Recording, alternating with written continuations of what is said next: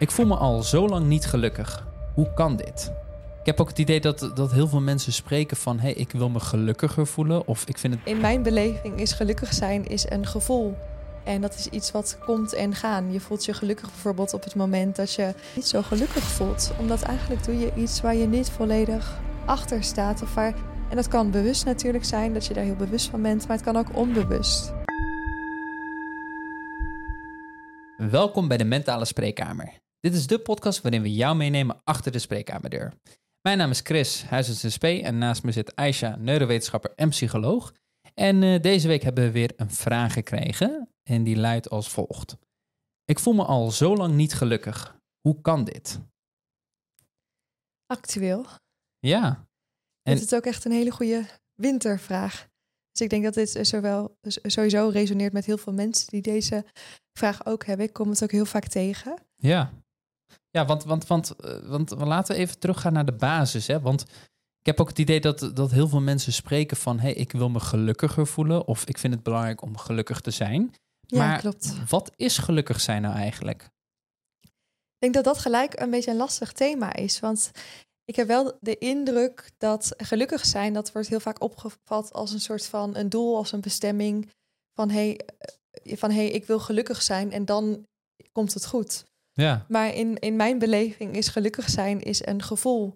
En dat is iets wat komt en gaan. Je voelt je gelukkig bijvoorbeeld op het moment dat je hè, midden in de winter, je gaat naar buiten en er schijnt eindelijk een zonnetje op je gezicht. En dan kan je echt zo'n intens gelukkig moment ervaren.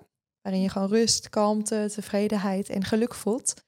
Maar dat moment dat kan natuurlijk ook weggaan. Dus ik zeg maar, ga iets achterna gaan of iets chasen naar dat geluk. Terwijl geluk is een soort van, in mijn beleving, een, een tijdelijke staat van zijn. Die nou, in sommige periodes wat vaker geactiveerd wordt. En in andere periodes wat minder vaak geactiveerd wordt. Ja, en ook, ook vanuit jouw achtergrond als neurowetenschapper eh, het, het, het, het, ervaren van geluk of het gelukkig zijn ja. is ook een bepaal, heeft, heeft ook een bepaalde fysiologische achtergrond. Dus er zijn bepaalde stofjes die worden losgegeven. Hoe, uh, weet jij hoe dat werkt?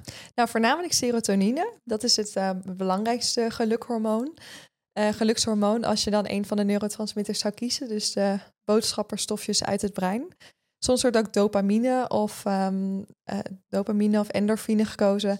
Technisch gezien is dat iets minder kloppend, maar dat is uh, misschien een discussie voor een andere keer. Maar ze worden vaak door elkaar gebruikt als gelukshormonen, hè? Ja, ja dan probeer je een soort van one size fits all term te brengen. En iedereen denkt van, oh, ik heb wel eens van dopamine gehoord en oh, geluk.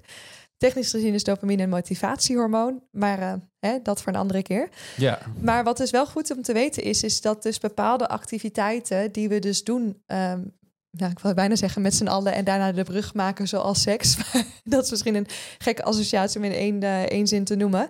Maar er zijn bepaalde activiteiten of dingen die we doen die uh, gelukstofjes aan kunnen wakkeren. Dus um, veel voorkomende activiteiten die die gelukstofjes aan kunnen roepen zijn bijvoorbeeld knuffelen, zijn seks, is bewegen, is um, nou, zonlicht. Dat zijn allemaal activiteiten waardoor je dus hey, de gelukstofjes in je brein geactiveerd, uh, vrijgekomen. Waardoor je dus ook een gelukkig gevoel kan hebben. Ja. En vandaar ook dat we drugs hebben, ook uh, synthetische drugs. Omdat die drugs die grijpen dus in op de receptoren van je brein die die gelukstofjes afgeven.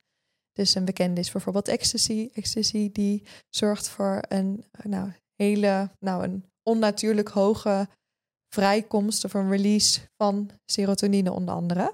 Ja. Waardoor mensen zich ontzettend gelukkig voelen.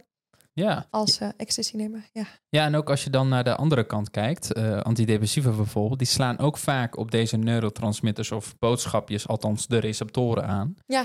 En uh, zo heb je dus inderdaad de SSRI's, dus de, dus, dus de serotonine heropname remmers. Waardoor je dus meer serotonine krijgt in je brein en daardoor minder depressief bent en gelukkiger bent.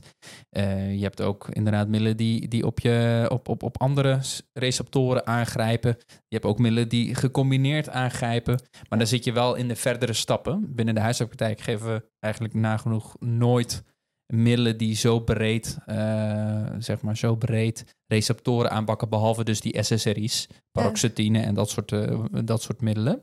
Dus dat is ook super interessant om te zien. Dus dat, dat de medicatie die slaat ook aan op hoe geluk werkt in je brein, zodat je wat meer geluksgevoel hebt. Dus het is eigenlijk een soort van stofjesproces. Ja en nee. Dus van de ene kant, het is wel een stofjesproces, maar dat is dus waar het ook vaak fout gaat. Kijk, mensen denken van, hé, hey, ik wil gelukkig zijn of ik wil me minder somber voelen, dus ik neem een antidepressiva. Maar eigenlijk het enige wat een antidepressiva doet, is die zorgt ervoor dat de, de um, die zorgt ervoor dat de kans groter is of dat de kans kleiner is dat jij bepaald gedrag gaat uitvoeren, waardoor je je geluk eigenlijk in stand houdt. Of je antidepressieve gedrag in stand houdt. Dus op het moment dat jij een SSRI krijgt of een SNRI, die werkt op de nor noradrenaline receptor, dan is eigenlijk het idee van, hè, stel je voor je bent somber en je ligt in je bed, je hebt geen zin om vrienden te zien en je voelt je een beetje meh, dat op het moment dat je dan zo'n SSRI neemt, dat dan de kans groter wordt dat je dan denkt van hé, hey, ik ga wel iemand een berichtje sturen of ik ga wel het huis uit of ik ga wel uh, douchen of ik ga wel um, naar werk toe, de deur uit, mensen benaderen.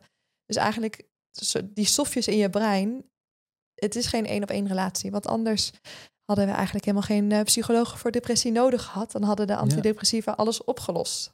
Ja, precies. En dat is ook niet zo. Maar het is meer een zetje in de goede richting.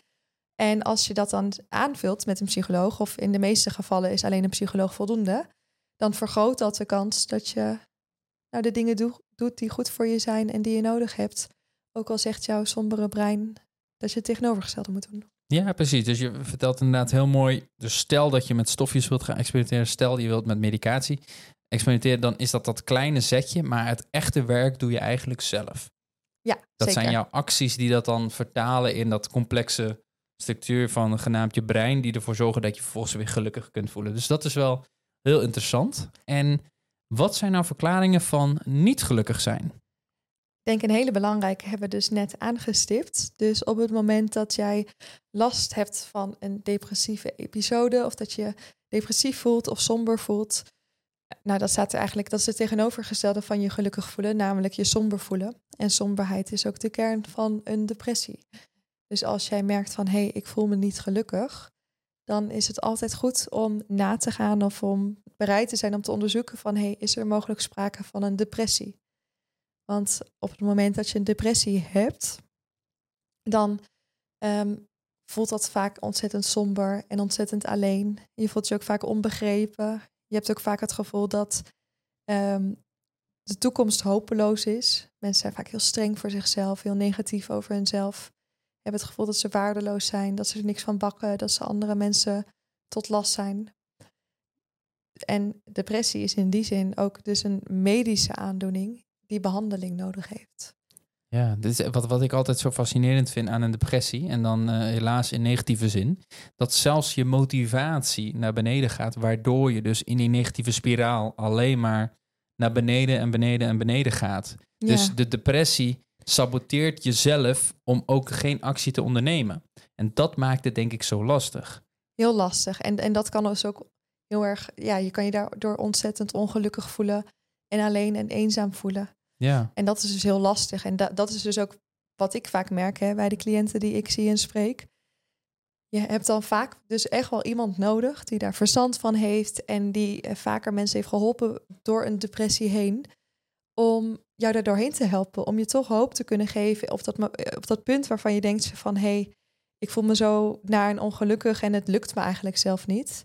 Ik heb hulp nodig. Ja, dan heb je een psycholoog. Uh, kan je daar heel goed bij helpen. Ja, want, want, want klopt het dan ook dat als je een milde depressie hebt... dat je het dan echt zelf kunt oplossen? Dus zonder, zonder hulp van buitenaf? Of is dat ook lastig? Want probeer eventjes in te voelen van iemand die mail, is dat alleen voor de mensen die ernstig depressief zijn, die dan, die dan bijvoorbeeld heel moeilijk aan de bak komen? Of kan dat ook bij een milde depressie of matige depressie? Of zie jij voornamelijk, wat, wat zie jij mensen met ernstige depressies of ook met milde depressies? Hele spectrum. Je ziet ze allemaal. Ik zie ze allemaal.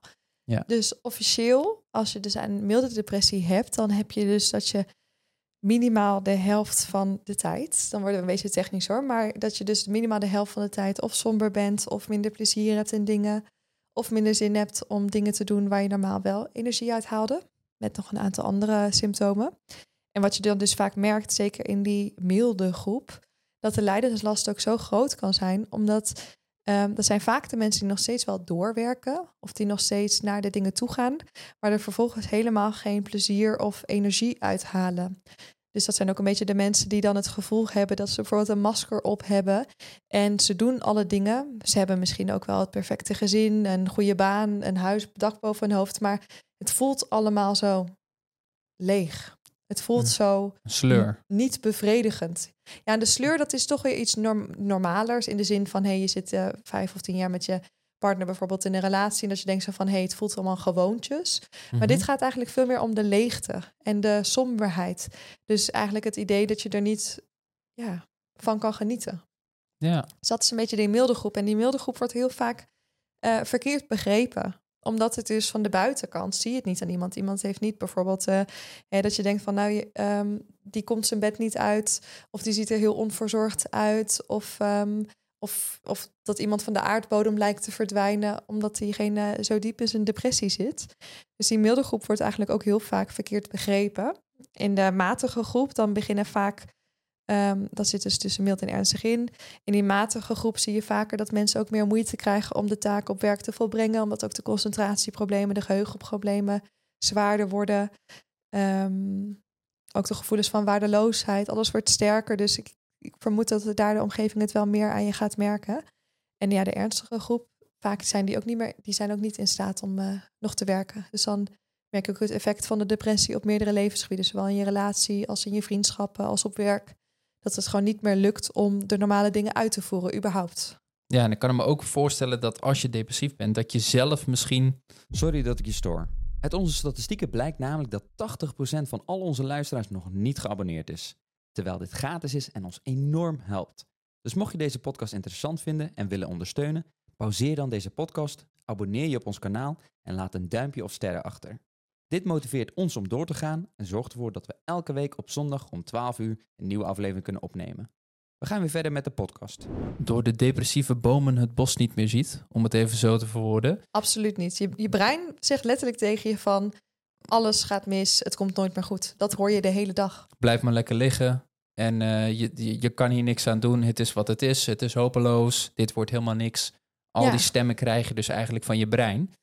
Dus, dus ik kan me dan ook heel goed voorstellen dat het voornamelijk de omgeving is die zich zorgen maakt en de omgeving de eerste actiestap zet van hé, hey, nu is het klaar. Uh, je gaat gewoon naar de psycholoog. Je hebt hier hulp voor nodig. Ja, dat kan. Dat kan soms wel, soms ook niet. Dus zeker op het moment dat er iemand in jouw omgeving zit waarbij, waarom je je zorgen maakt. Ik zou wel zeggen van hé, hey, ga het gesprek aan. Want het is heel erg zwaar en moeilijk voor cliënten met een depressie of een vermoeden van een depressie in dit geval. Om uit te kunnen. Die, voelen zich heel vaak onbegrepen, want ze vallen in zo'n zwart gat. En door de depressie verlies je ook de verbinding met anderen. Daardoor ga je mogelijk ook door de depressie je anders opstellen ten opzichte van anderen. Dus zo kom je makkelijk in een negatieve spiraal, want je voelt je niet gezien, je voelt je niet begrepen. Mensen maken opmerkingen die verkeerd vallen. En dan heb je dat negatieve brein, dat depressieve brein, dat alleen maar door en door en door gaat. Ja. Dus heb je iemand in je omgeving, maak het bespreekbaar en probeer diegene te begrijpen. En uh, kaart ook eventueel aan van, hé, hey, ik maak me zorgen. Ik wil er voor je zijn, maar ik weet niet hoe. Wat kan ik voor je doen? Of waar kan ik je bij helpen? Of, hé, hey, ik denk dat je hulp nodig hebt. Ja. Sta je daarvoor open? Zullen we samen naar de huisarts gaan? Kan ik iemand bellen? Kan ik, kan ik iets voor je doen? Mag ik je partner uh, vertellen dat ik uh, zorgen heb? Of uh, ja. je collega? Of bedenk het maar. Ja, precies. Dus inderdaad, als omgeving, zeg maar, als je in de omgeving zit, dan heb je natuurlijk niet al, die, al, al, al dat lood dat het je heel de tijd naar beneden trekt en ja. zegt dat je het niet moet doen. En, en als je nou zelf bijvoorbeeld naar deze podcast luistert en denkt van hé, hey, ik, ik ervaar die leegte.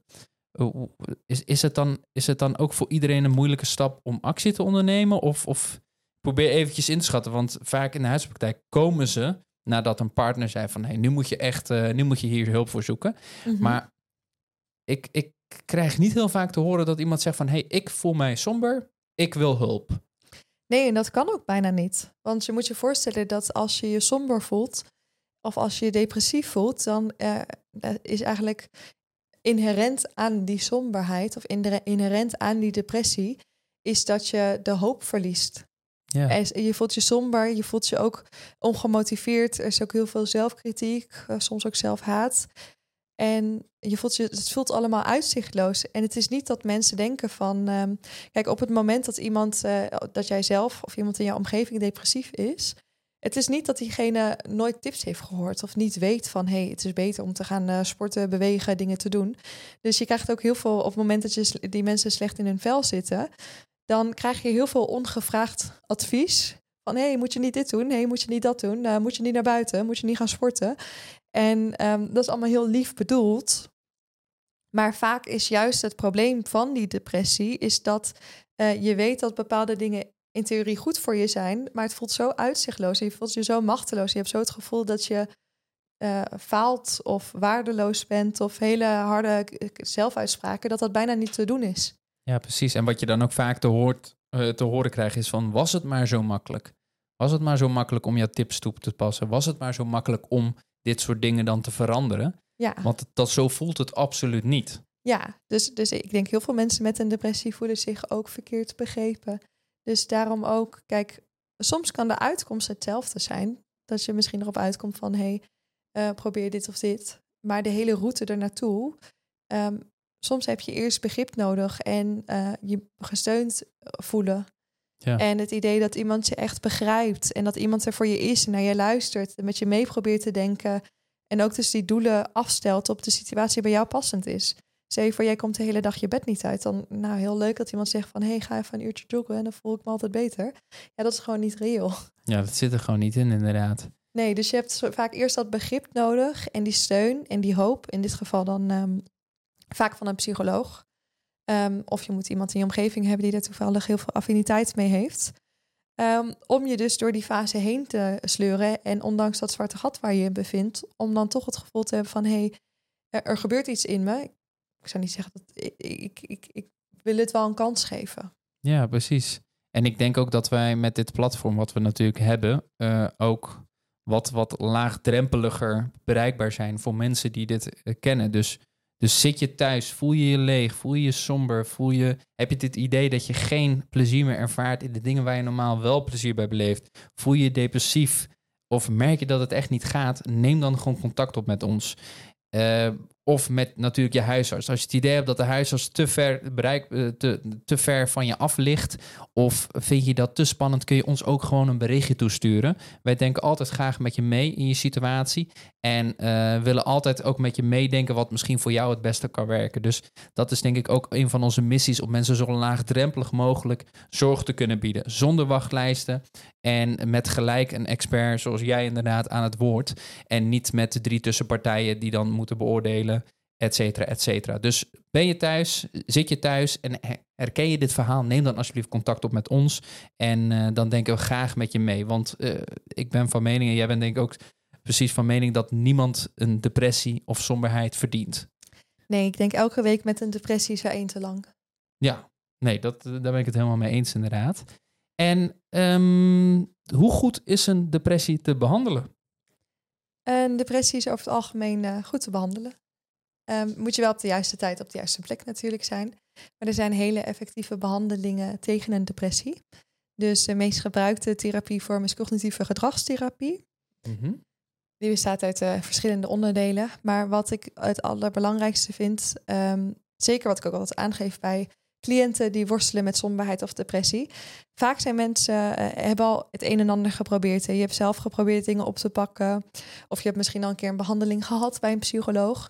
En als dat dan niet werkt, dan voelt dat misschien alsnog een faalervaring. Van ja, ik heb al zoveel gedaan, maar het werkt allemaal niet. En dus dan komt ook een stukje generaliseren, wat ook eh, eigen is voor mensen met een depressie. Dat op het moment dat je dus iets negatiefs gebeurt, dat je denkt van dus alles is negatief. Dat gebeurt helaas heel vaak.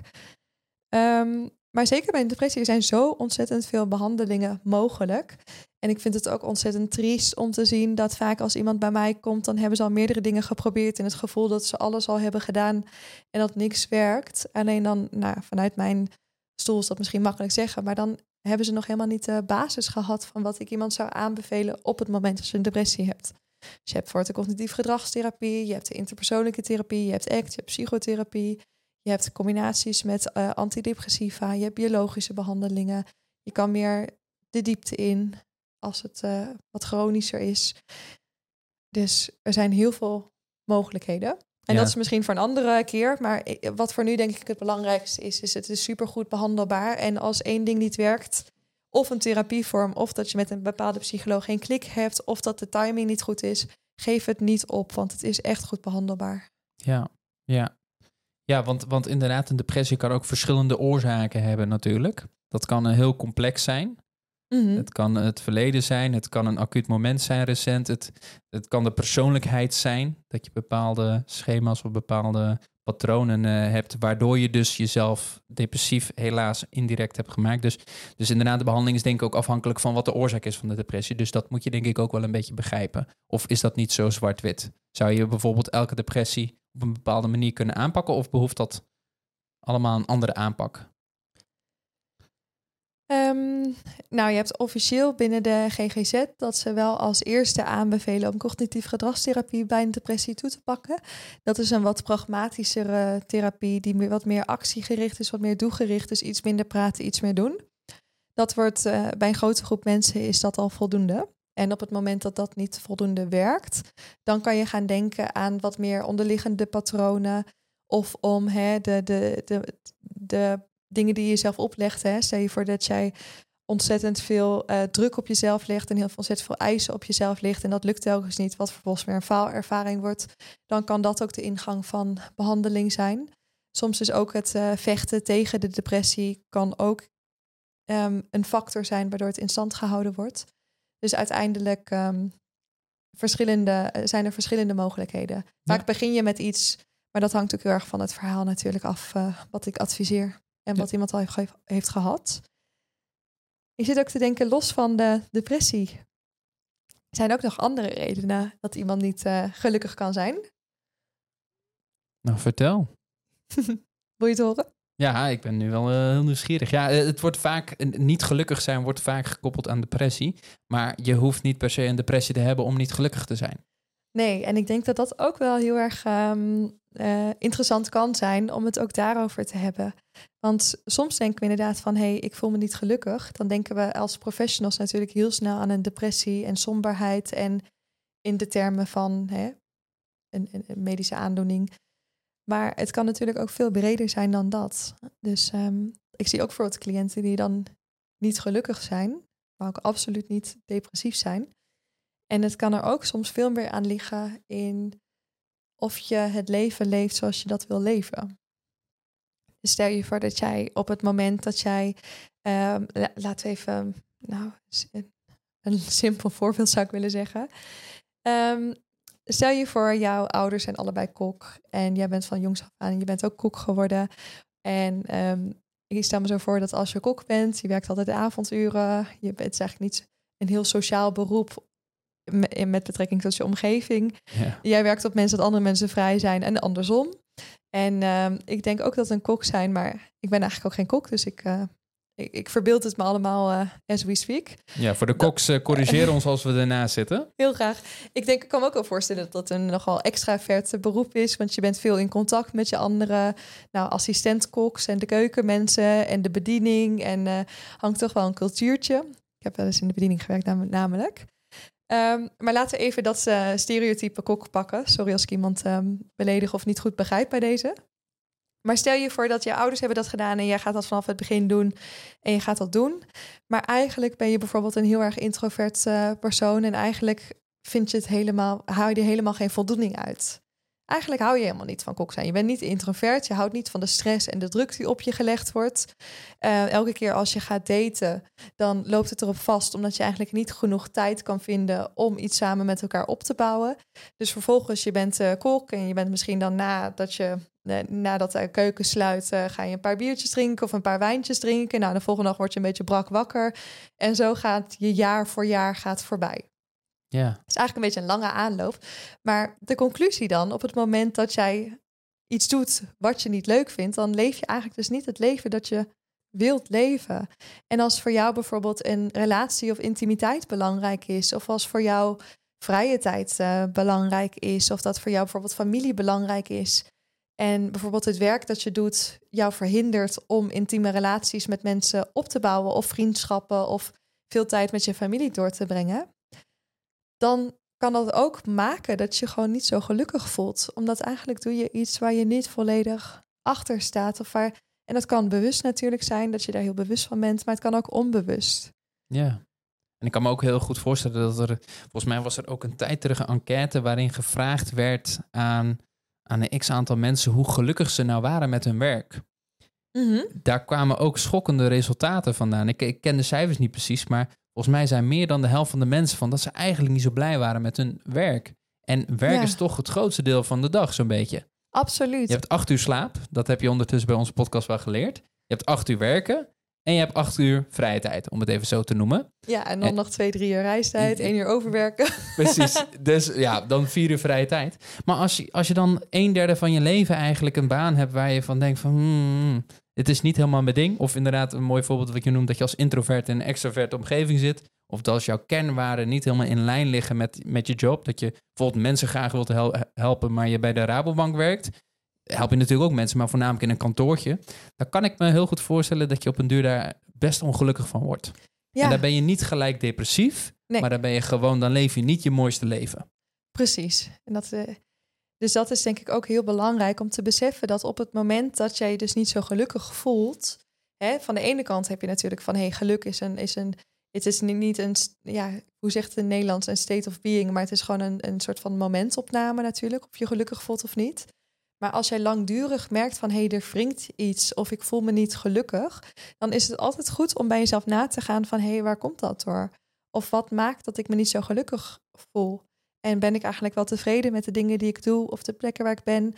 En nou, het enige wat wij als mens, denk ik, hebben, wat echt onvoorwaardelijk is, is onze tijd, onze aandacht en onze energie.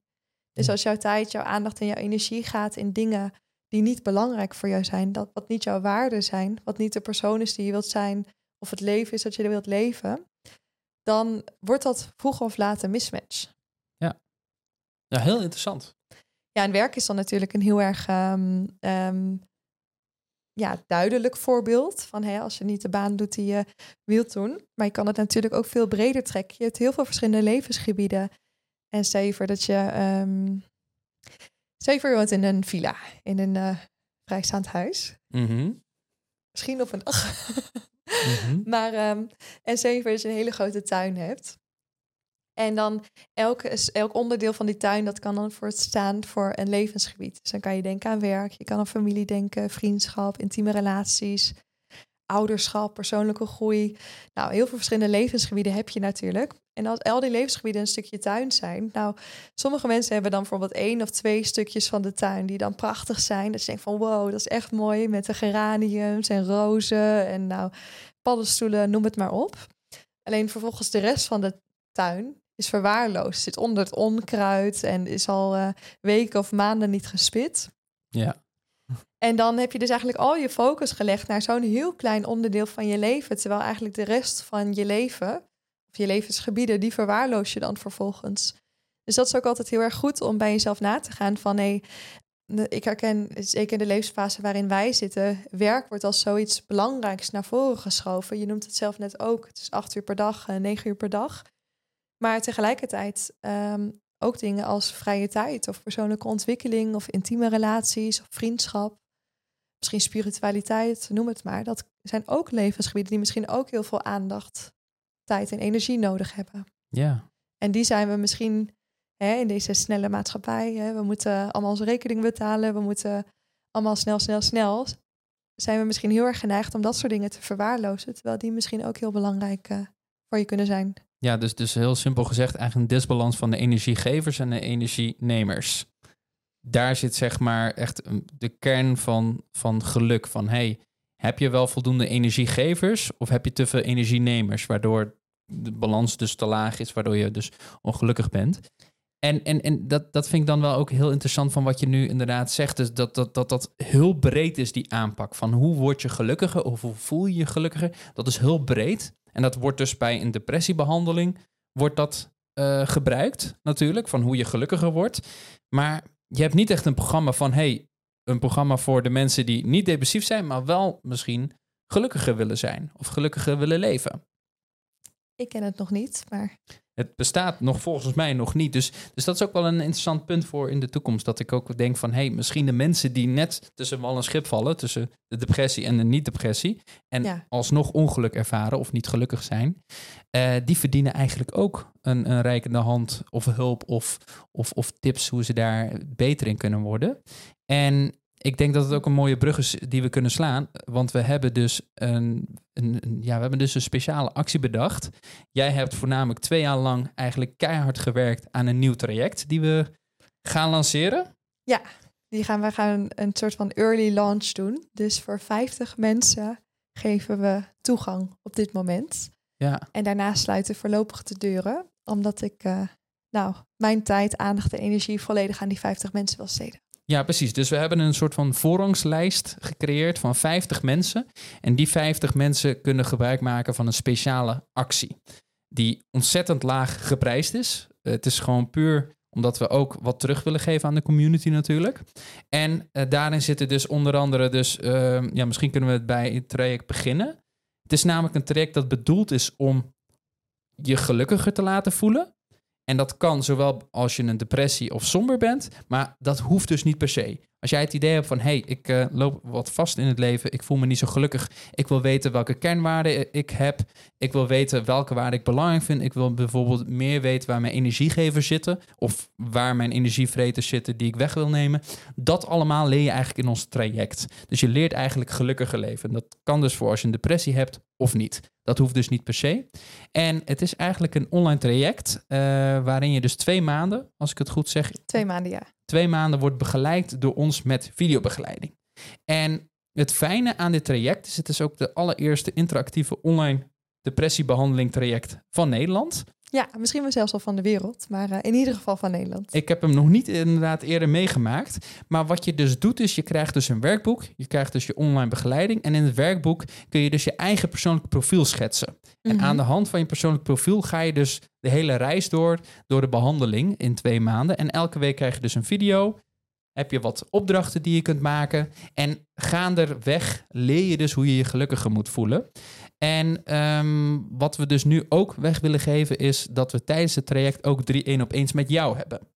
Ja, zeker. En dat is omdat ik ook iedereen wil ondersteunen. Hè? Want wat we net al noemden, je aan de ene kant heb je de depressie of uh, de, de dip, dus een soort van uh, milde, milde variant. Um, en aan de andere kant, als je gelukkiger wordt, daar heb je gewoon heel veel verschillende invalshoeken voor. En dan kan ik gewoon per persoon kijken van, hé, hey, wat is bij jou belangrijk? Wat heb jij nodig? En wat zijn de verschillende invalshoeken? Ook vanuit uh, mijn ervaring natuurlijk met het creëren van het traject, maar ook omdat ik al jarenlang mensen behandel om gelukkiger te worden en minder depressief te zijn. Dus daarin kan ik echt, um, nou, het traject, het videotraject is al heel erg op maat en heel erg interactief. Maar daarin kunnen we ook nog persoonlijke aandacht aan jou geven, gewoon één op één. Ja, Precies, dus vandaar dat we nu een speciale early access, zoals we het noemen, of eigenlijk we, we, we, maken een niet openbaar het traject. We willen dus puur echt 50 mensen een, een, prioriteit geven of, of de kans bieden om mee te doen met dit traject voor een extra lage prijs. En ehm, mocht dit goed klinken voor je, mocht je thuis zitten en denken van ik ben somber of ik ben depressief of ik ben dat niet, maar ik wil meer geluk in mijn leven. Um, ja, mis deze kans dan niet. Het is, het, is een, het is een eenmalige kans. We hebben nu al een aantal mensen ook in het traject, dat moet ik ook vertellen. En vol is helaas vol. We hebben 50 plekjes. En mocht je denken van, hey, dit lijkt me leuk, dit wil ik. Ik heb ook een beetje gezonde motivatie om hier wat aan te doen. Want het is geen quick fix. Je moet er wel wat voor doen, maar wij begeleiden je tot in de puntjes uh, om tot je doel te komen. Kijk dan hier in de beschrijving voor de link. We hebben namelijk eerst een vragenlijst die mag je dus invullen en daarop staat dan hoe somber of hoe depressief je bent, komt de score uit. En afhankelijk daarvan laten we ook weten of je geschikt bent voor het traject. Dus vul die vragenlijst hieronder in. En ja, de rest spreekt voor zich. Dan nemen we vervolgens contact op met jou en dan laten we weten hoe het traject in elkaar zit precies. Als je vragen hebt, beantwoorden we die ook. En bieden we je dus de kans om mee te kunnen doen met deze voorrangslijst. Mocht je denken van, hé, hey, ik, heb, ik, ik ben gewoon somber of ik ben depressief of ik heb dat allebei niet, maar ik wil gewoon gelukkiger zijn, dan mag je natuurlijk ook gewoon meedoen. Laat dan in ieder geval hieronder een berichtje achter of stuur ons persoonlijk bericht met actie of voorrang als woord. En dan nemen we contact met je op en dan kijken we of dit een geschikt traject is voor jou of niet. Ja, lijkt me een heel goed plan. Ja, dus uh, vergeet dat vooral niet hier in de beschrijving uh, terug te lezen. En ik denk dat we voor nu een heleboel hebben verteld over gelukkig zijn. Ik heb er zelf ook nog wat dingen zelfs uit geleerd. Dus dat vind ik toch wel heel interessant. Ehm, het heeft wat meer inzicht gegeven. En ik hoop dat jij als luisteraar thuis ook denkt van... hey, hier heb ik misschien wel wat aan gehad. Dus ik wil jou hierbij bedanken voor je aanwezigheid, Aisha. Jij ook bedankt. Ja, en als jij dit een leuke podcast vond, vergeet dan vooral niet te abonneren. We zijn al voorbij 1100 abonnees gekomen. Dus dat is keihard gegroeid sinds de laatste keer. Daar zijn we hartstikke blij en trots op. En mocht jij denken van, hey, dit vond ik een leuke podcast. Uh, dan mag je je natuurlijk ook aansluiten bij die 1100 abonnees. Dus vergeet niet te abonneren. Mocht je het een leuke aflevering vinden, vergeet ook niet de podcast te beoordelen. Met een aantal sterretjes of een beoordeling. En elke reactie die geplaatst wordt, die lezen wij ook. Dus mocht je iets te zeggen hebben of mocht je een compliment geven of mocht je denken van hey, dit snap ik nog niet, geef gewoon een reactie en dan uh, reageren we daar altijd op. En dan zorg jij ervoor dat Chris tijdelijk een gelukstofje krijgt. Een ja. tijdelijk geluksmomentje voor Chris. Dat is het cadeautje. Ja, daar doen we het uiteindelijk voor. Ja, helemaal goed. Uh, voor nu uh, wil ik jullie een fijne dag verder toewensen. En zou ik zeggen tot de volgende week. Tot volgende week.